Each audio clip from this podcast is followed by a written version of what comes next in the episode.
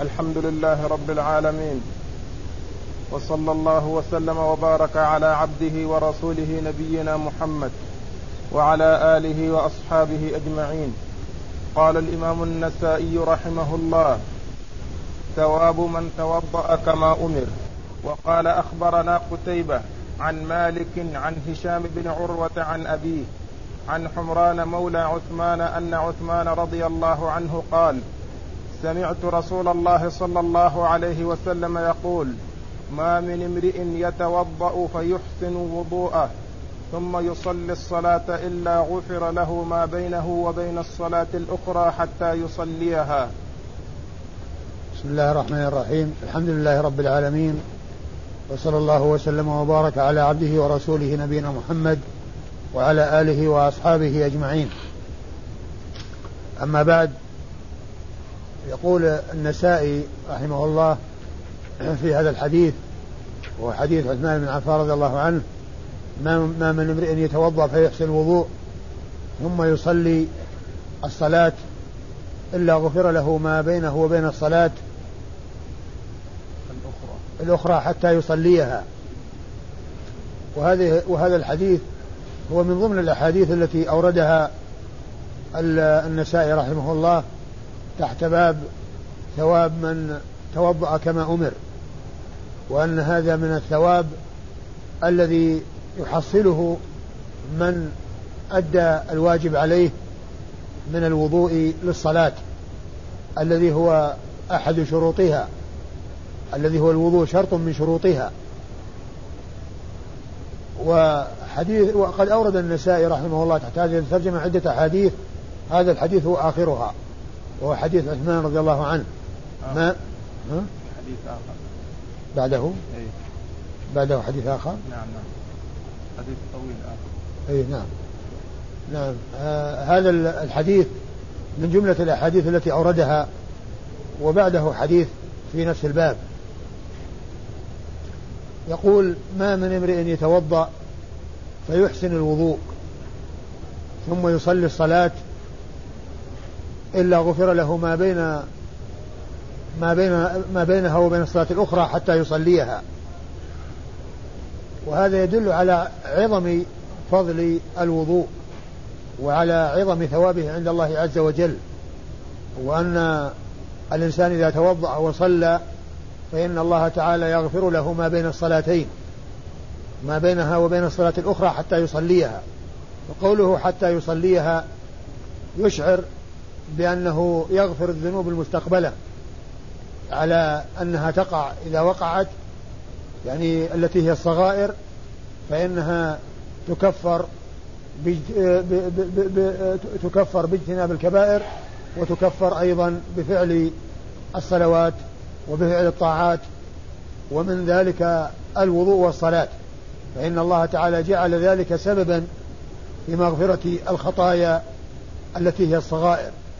وأما التوبة وأما الكبائر فإنه لا بد فيها من التوبة. ولهذا فإن الإنسان يصلي وهو محسن في صلاته لأن الصلاة من خير ما يفعل الناس. لكن قد يكون عنده أمور أخرى اقترفها كبائر فإن صلاته لا تكفر عنه تلك الكبائر. وإن وتكفير الكبائر يحتاج إلى توبة. نعم إذا حصل منه آه، صلاة وحصل منه وضوء وقد تاب من الكبائر وتاب إلى الله توبة نصوحا وعمل هذا العمل فإن فإنه يحصل له تكفير الجميع. لكن تكفير الكبائر هو بالتوبة. أما تكفير الصغائر فهي بالأعمال الحسنة والأعمال الطيبة التي يفعلها ومن ذلك الوضوء والصلاة. فإنه يكفر له ما بينها وبين الصلاة الأخرى. وإسناد الحديث يقول النسائي أخبرنا قتيبة. قتيبة هو ابن سعيد ابن جميل بن طريف البغلاني وهو أحد الثقات الأثبات وحديثه عند أصحاب الكتب الستة وقد مر ذكر هذا الرجل كثيرا بل إن ورود ذكره أكثر من ذكر غيره وهو الذي روى عنه أول حديث في سننه. أول شيخ روى له النسائي في سننه حديثا هو قتيبة بن سعيد هذا. وما أكثر ما يأتي ذكر قتيبة بن سعيد في رواية النساء عنه. آه عن مالك. مالك هو إمام دار الهجرة. وأحد أصحاب المذاهب الأربعة. المتبوعة. المشهورة. التي كان لأصحابها أتباع وأصحاب عنوا بتدوين ذلك الفقه وجمعه فحفظت مذاهبهم وأقوالهم في المسائل الفقهية بسبب وجود أتباع لهم عنوا بفقههم. وغيرهم من الفقهاء في زمانهم وقبل زمانهم وبعد زمانهم ما حصل لهم مثل ما حصل لهؤلاء من وجود أناس يعنون بجمع فقههم ويخدمونه ويحرصون عليه فلهذا لم يحصل تدوين ما جاء عنه من الفقه وما جاء عنهم من الكلام في مسائل الفقه ما حصل وإنما حصل لهؤلاء الأربعة اللي هم أبو حنيفة ومالك والشافعي وأحمد. رحمة الله على الجميع. وهؤلاء الأربعة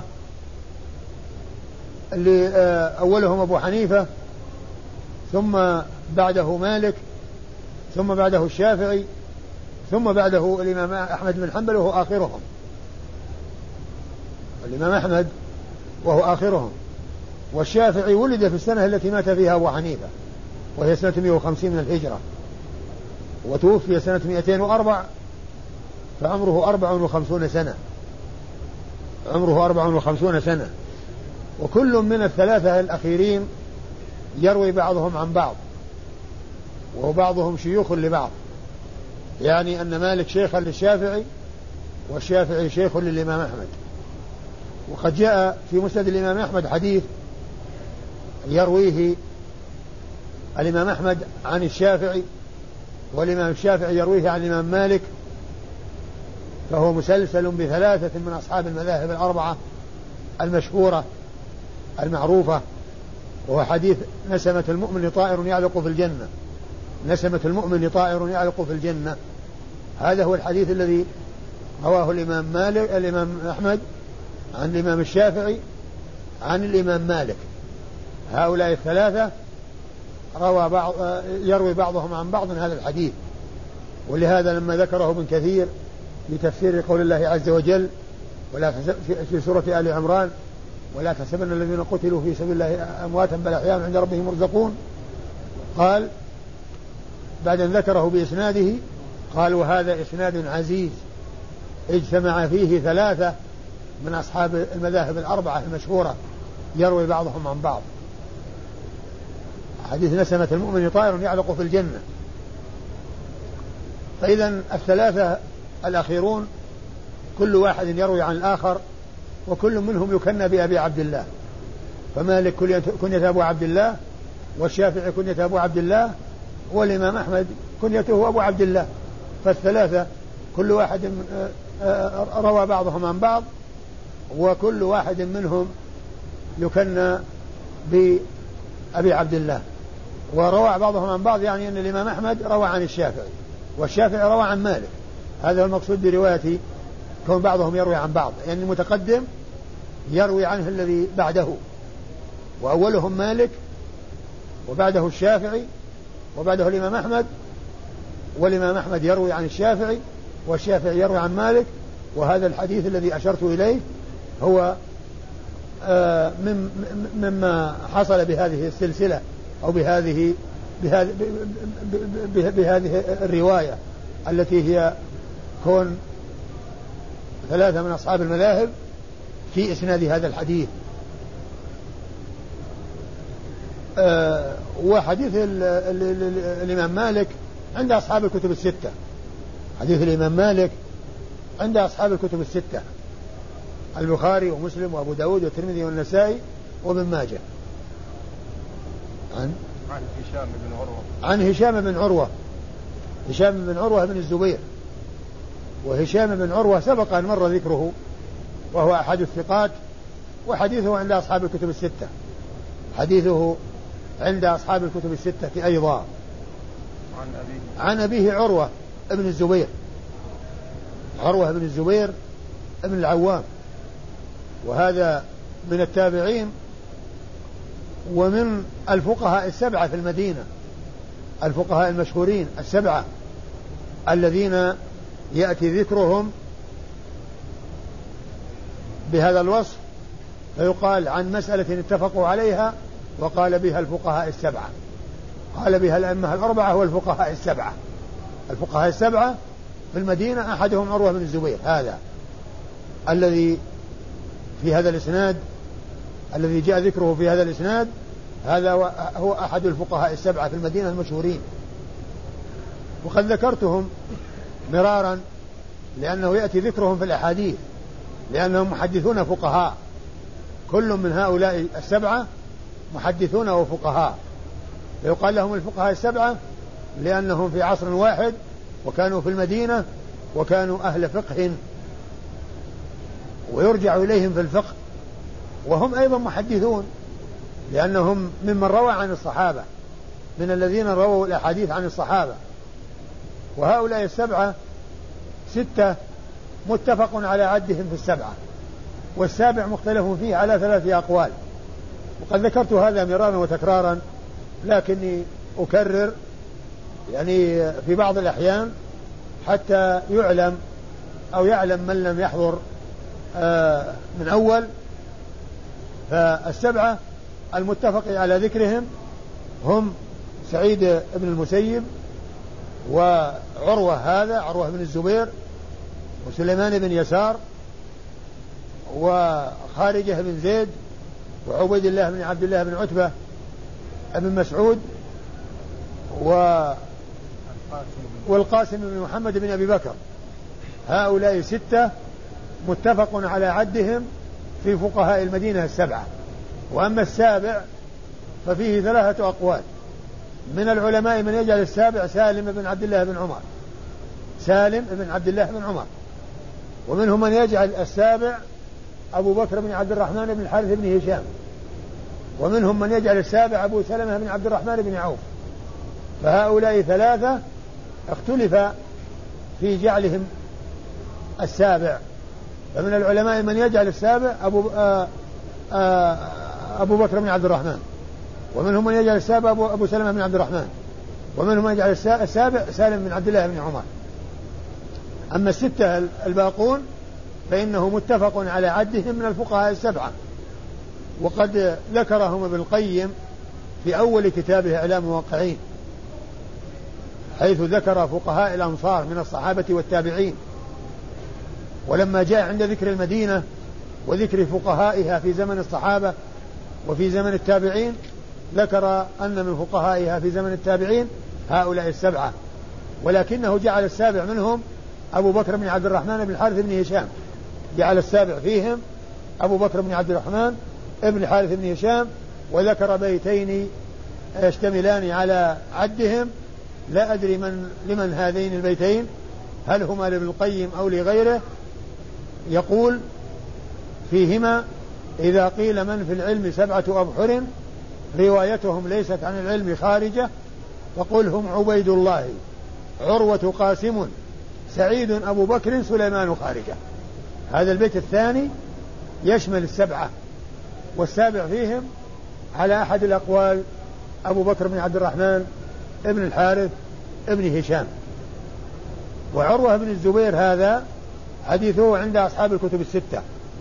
حديثه عند أصحاب الكتب الستة وهو أحد الثقات الأثبات وحديثه عند أصحاب الكتب الستة. عن حمران عن حمران. حمران ابن أبان مولى عثمان بن عفان رضي الله تعالى عن عثمان وعن الصحابة أجمعين وقد مر ذكره فيما مضى وهو أحد الثقات وحديثه عند أصحاب الكتب الستة.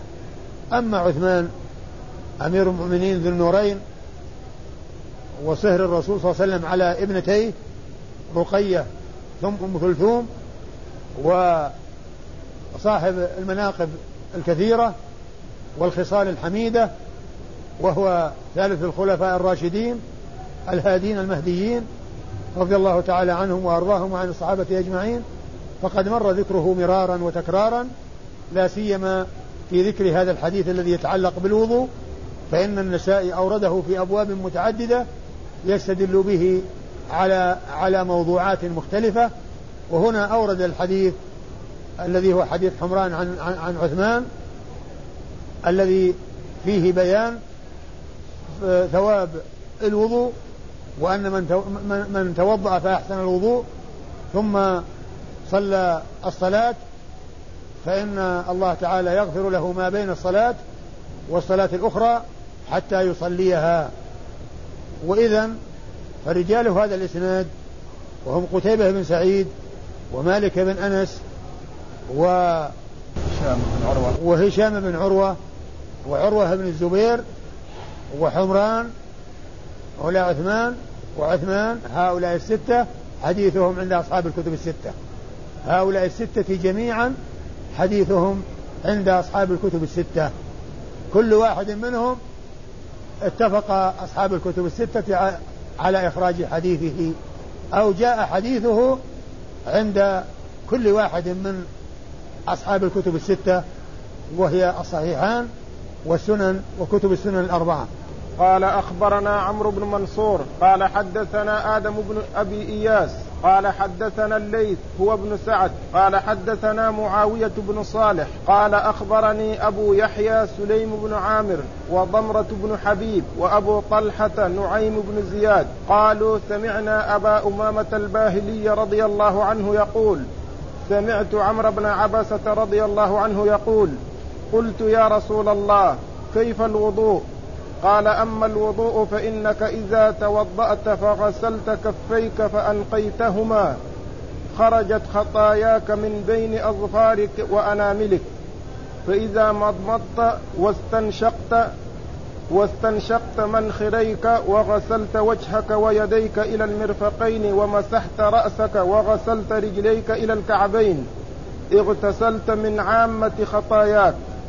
فإن أنت وضعت وجهك لله عز وجل خرجت خرجت من خطاياك كيوم ولدتك أمك. قال أبو أمامة فقلت يا عمرو بن عبسة انظر ما تقول. أكل هذا يعطى في مجلس واحد فقال أما والله لقد كبرت سني ودنا أجلي وما بي من فقر فأكذب على رسول الله صلى الله عليه وسلم ولقد سمعته أذناي ووعاه قلبي من رسول الله صلى الله عليه وسلم.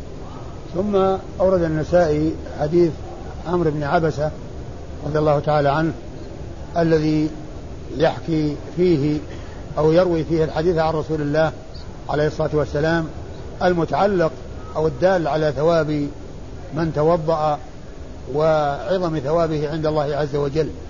وعمرو بن عبسة يرويه عنه أبو أمامة صدي بن عجلان الباهلي وهي وهو وهو وهما صحابيان. الحديث من رواية صحابي عن صحابي. إيش الحديث؟ قال لفظ الحديث المتن. عن أبي أمامة يقول سمعت أمر بن عبسة رضي الله عنه يقول قلت يا رسول الله كيف الوضوء؟ قال أما الوضوء فإنك إذا توضأت فغسلت كفيك فأنقيتهما خرجت خطاياك من بين أظفارك وأناملك. عمرو بن عبسة صاحب رسول الله عليه الصلاة والسلام سأل رسول الله صلى الله عليه وسلم عن الوضوء فقال له أما الوضوء فإنك إذا غسلت يديك فأنقيتهما يعني خرجت خطاياك من بين أظفارك وأناملك يعني أنه إذا غسلهما عند البداية إذا غسلهما عند البدء في الوضوء فإنه يبدأ بغسل اليدين. وهذا كما هو معلوم سبق أن مر وهذا من الأمور المستحبة في الوضوء آه أنه عندما يبدأ الإنسان بالوضوء يغسل يديه خارج الإناء. خارج الإناء الذي يتوضأ منه فإذا غسلهما وأنقاهما أدخل يده اليمنى في الإناء وأخذ غرف منها لغسل الأعضاء. وهو يقول إذا غسلت يديك فأنقيتهما خرجت خطاياك من بين أناملك من بين أناملك وأظفارك. يعني أن أن المقصود من ذلك الخطايا المتعلقة باليدين. الخطايا المتعلقة باليدين فإنها تخرج مع الماء. وهذا الحديث الذي الذي معنا هنا آه، يوافق أو يتفق مع ما جاء في حديث آه الذي الذي سبق أن مر عن الصنابحي الذي يبين أو يدل على فضل الوضوء وعلى فضل آه على ما يحصل من الأجر والثواب وحط الخطايا عند الوضوء. فهنا يقول إذا غسل يديه خرجت الخطايا من بين أنامله وأظفاره يعني الخطايا المتعلقة باليدين. والمقصود من ذلك الخطايا التي هي صغيرة. هذه التي تغفر بفعل الطاعات. أما الخطايا الكبيرة التي يجتنيها الإنسان ويقترفها بيديه ويكتسبها بيديه بإجتراحه فيهما وهي أمور كبيرة كأخذ المال الحرام وغير ذلك من ما يحصل آه، عن طريق الأيدي من الكبائر فإن فإن هذا لا يغفره إلا التوبة. أيوة. قال فإذا مطمطت واستنشقت منخريك وغسلت وجهك ويديك إلى المرفقين ومسحت رأسك وغسلت رجليك إلى الكعبين اغتسلت من خ... من عامة خطاياك. ثم قال إن إنك إذا تمضمضت واستنشقت وغسلت وجهك ويديك إلى المرفقين ومسحت رأسك وغسلت الرجلين إلى الكعبين فإنك اغتسلت من عامة خطاياك. من عامة خطاياك يعني غالبها. يعني معناها اغتسلت أنك نظفت وسلمت منها وطهرت منها كما يحصل النظا تحصل النظافة والطهارة لهذه الأعضاء التي آه التي قمت بغسلها. ثم قال فإن أنت وضعت وجهك لله عز وجل خر خرجت من خطاياك كيوم ولدتك أمك. فإن أنت وضعت وجهك لله يعني صليت.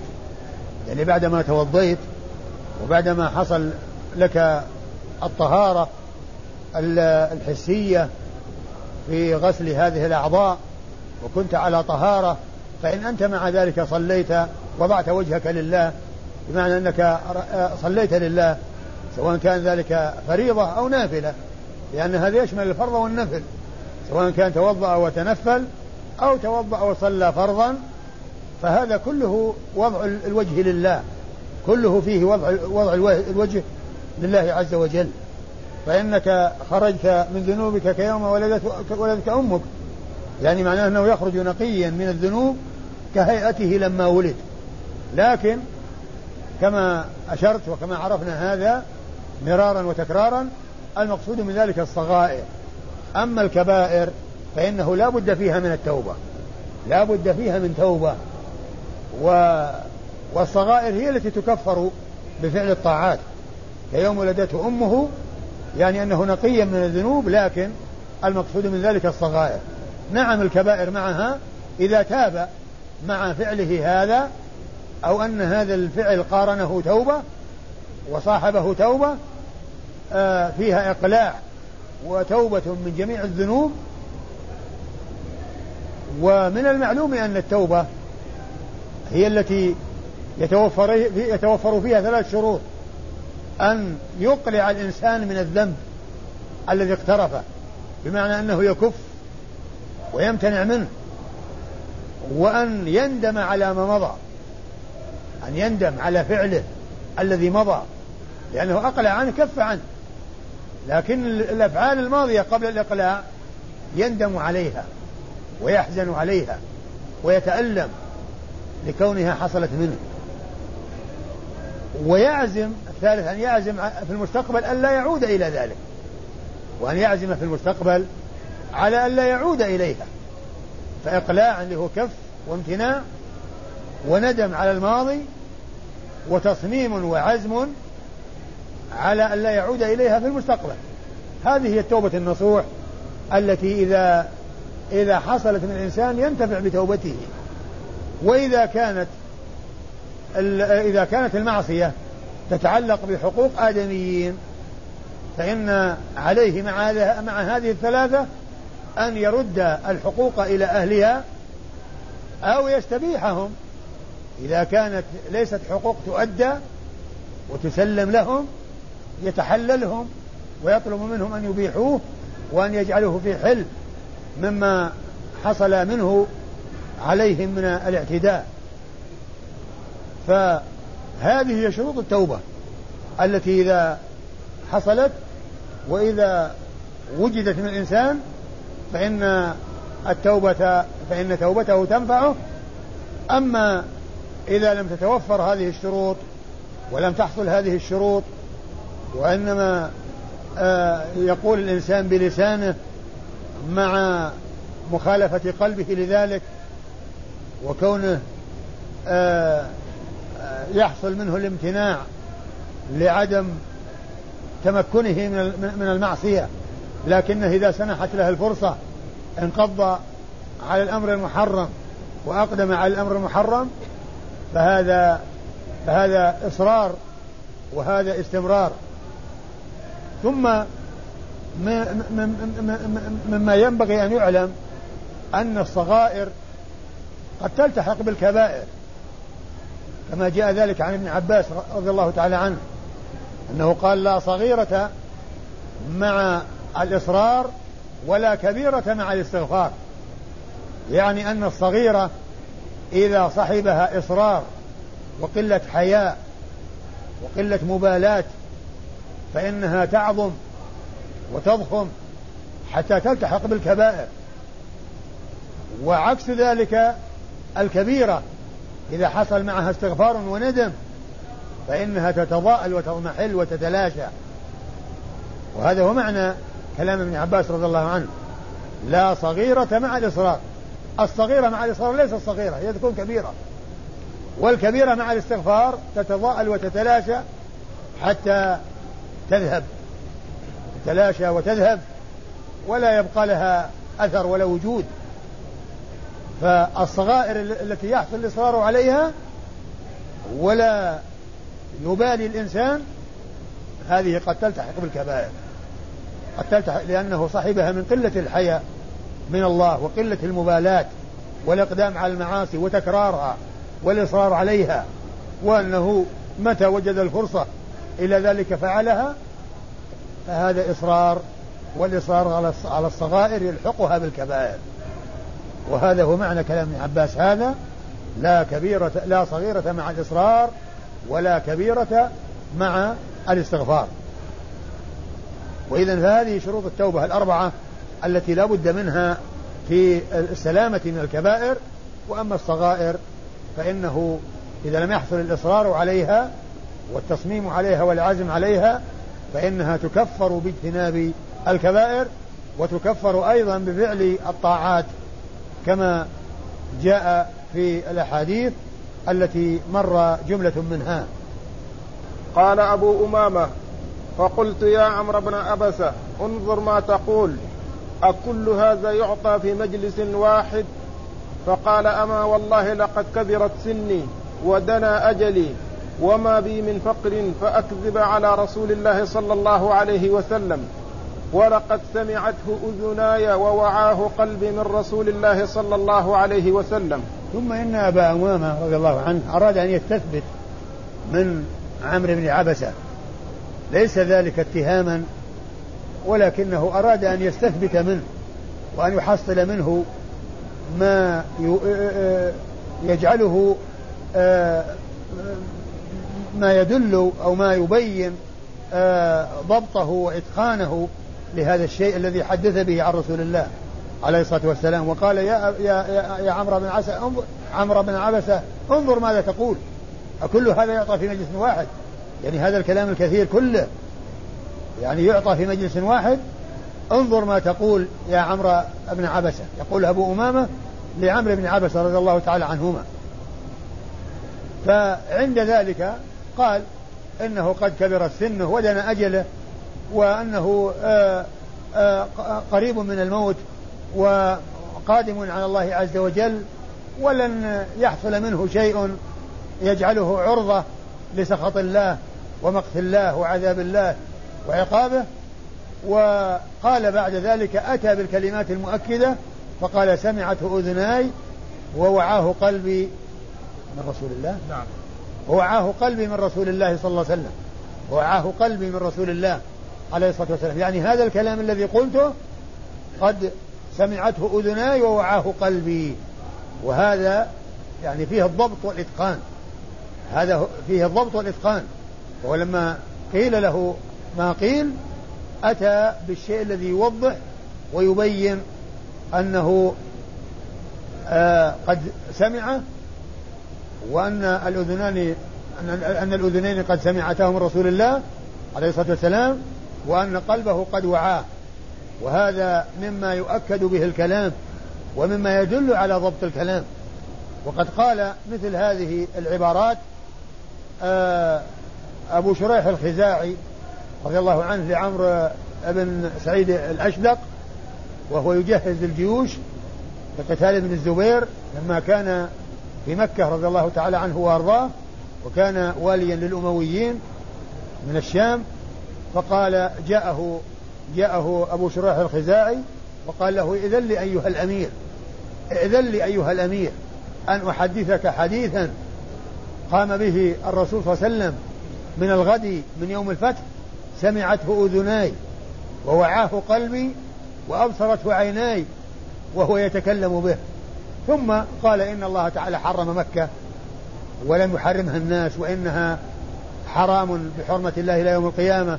وأن وأن وأنه لا يقطع شجرها ولا يصاد صيدها و آه، وأنها عادت وإنما أحلت لساعة من نهار وقد عادت حرمتها آه، آه، كما كما كانت بالأمس.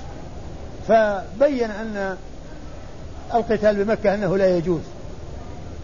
فالحاصل أن هذه أن أبا شريح أتى بمثل هذه العبارات التي فيها التأكد والتي فيها الضبط والتي هي دالة على ضبط الراوي وإتقانه.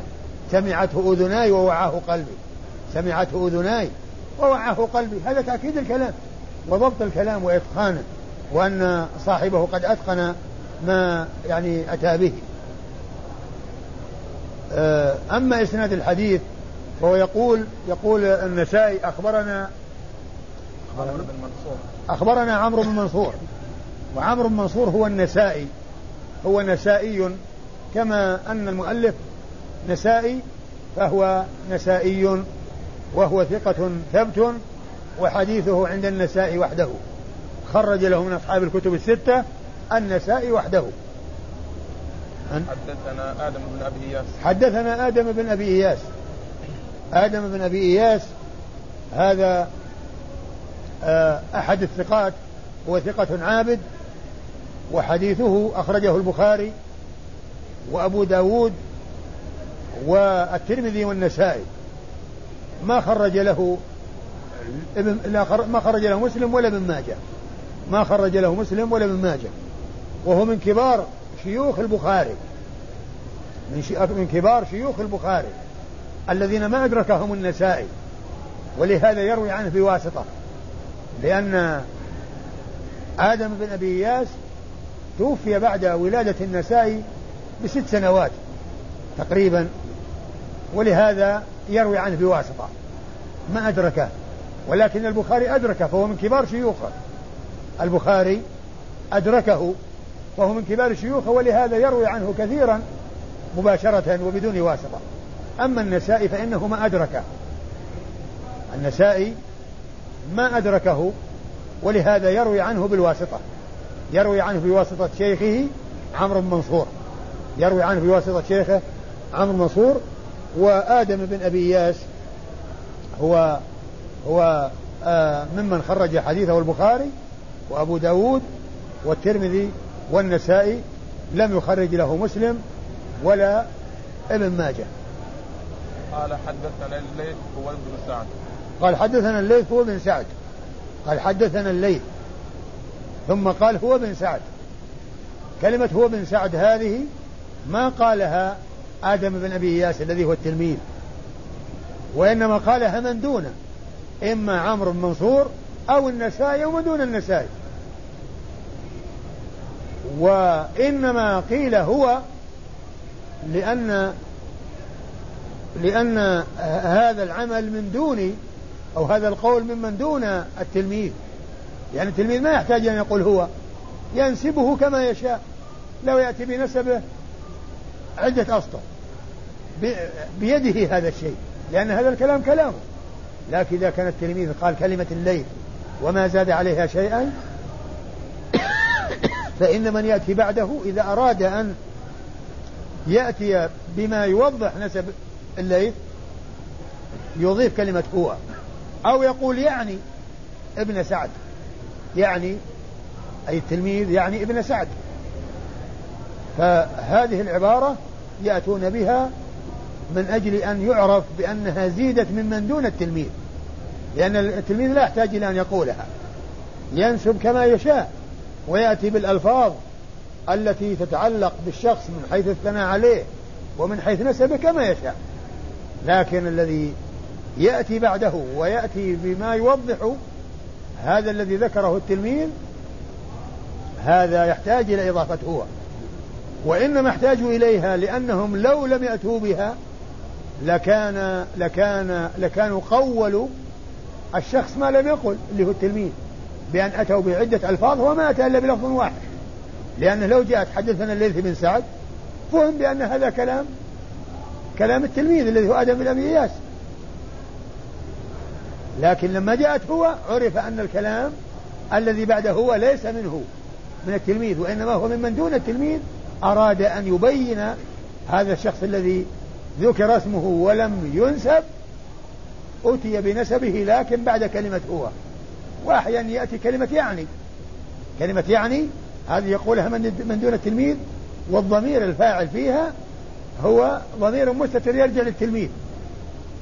يعني يعني ابن فلان يعني لو جاءت كلمة يعني في هذا المكان لكان الفاعل يعني هو آدم بن أبي ياس لكن القائل لها من دون آدم بن أبي ياس القائل لها من دون آدم بن أبي ياس أيوة.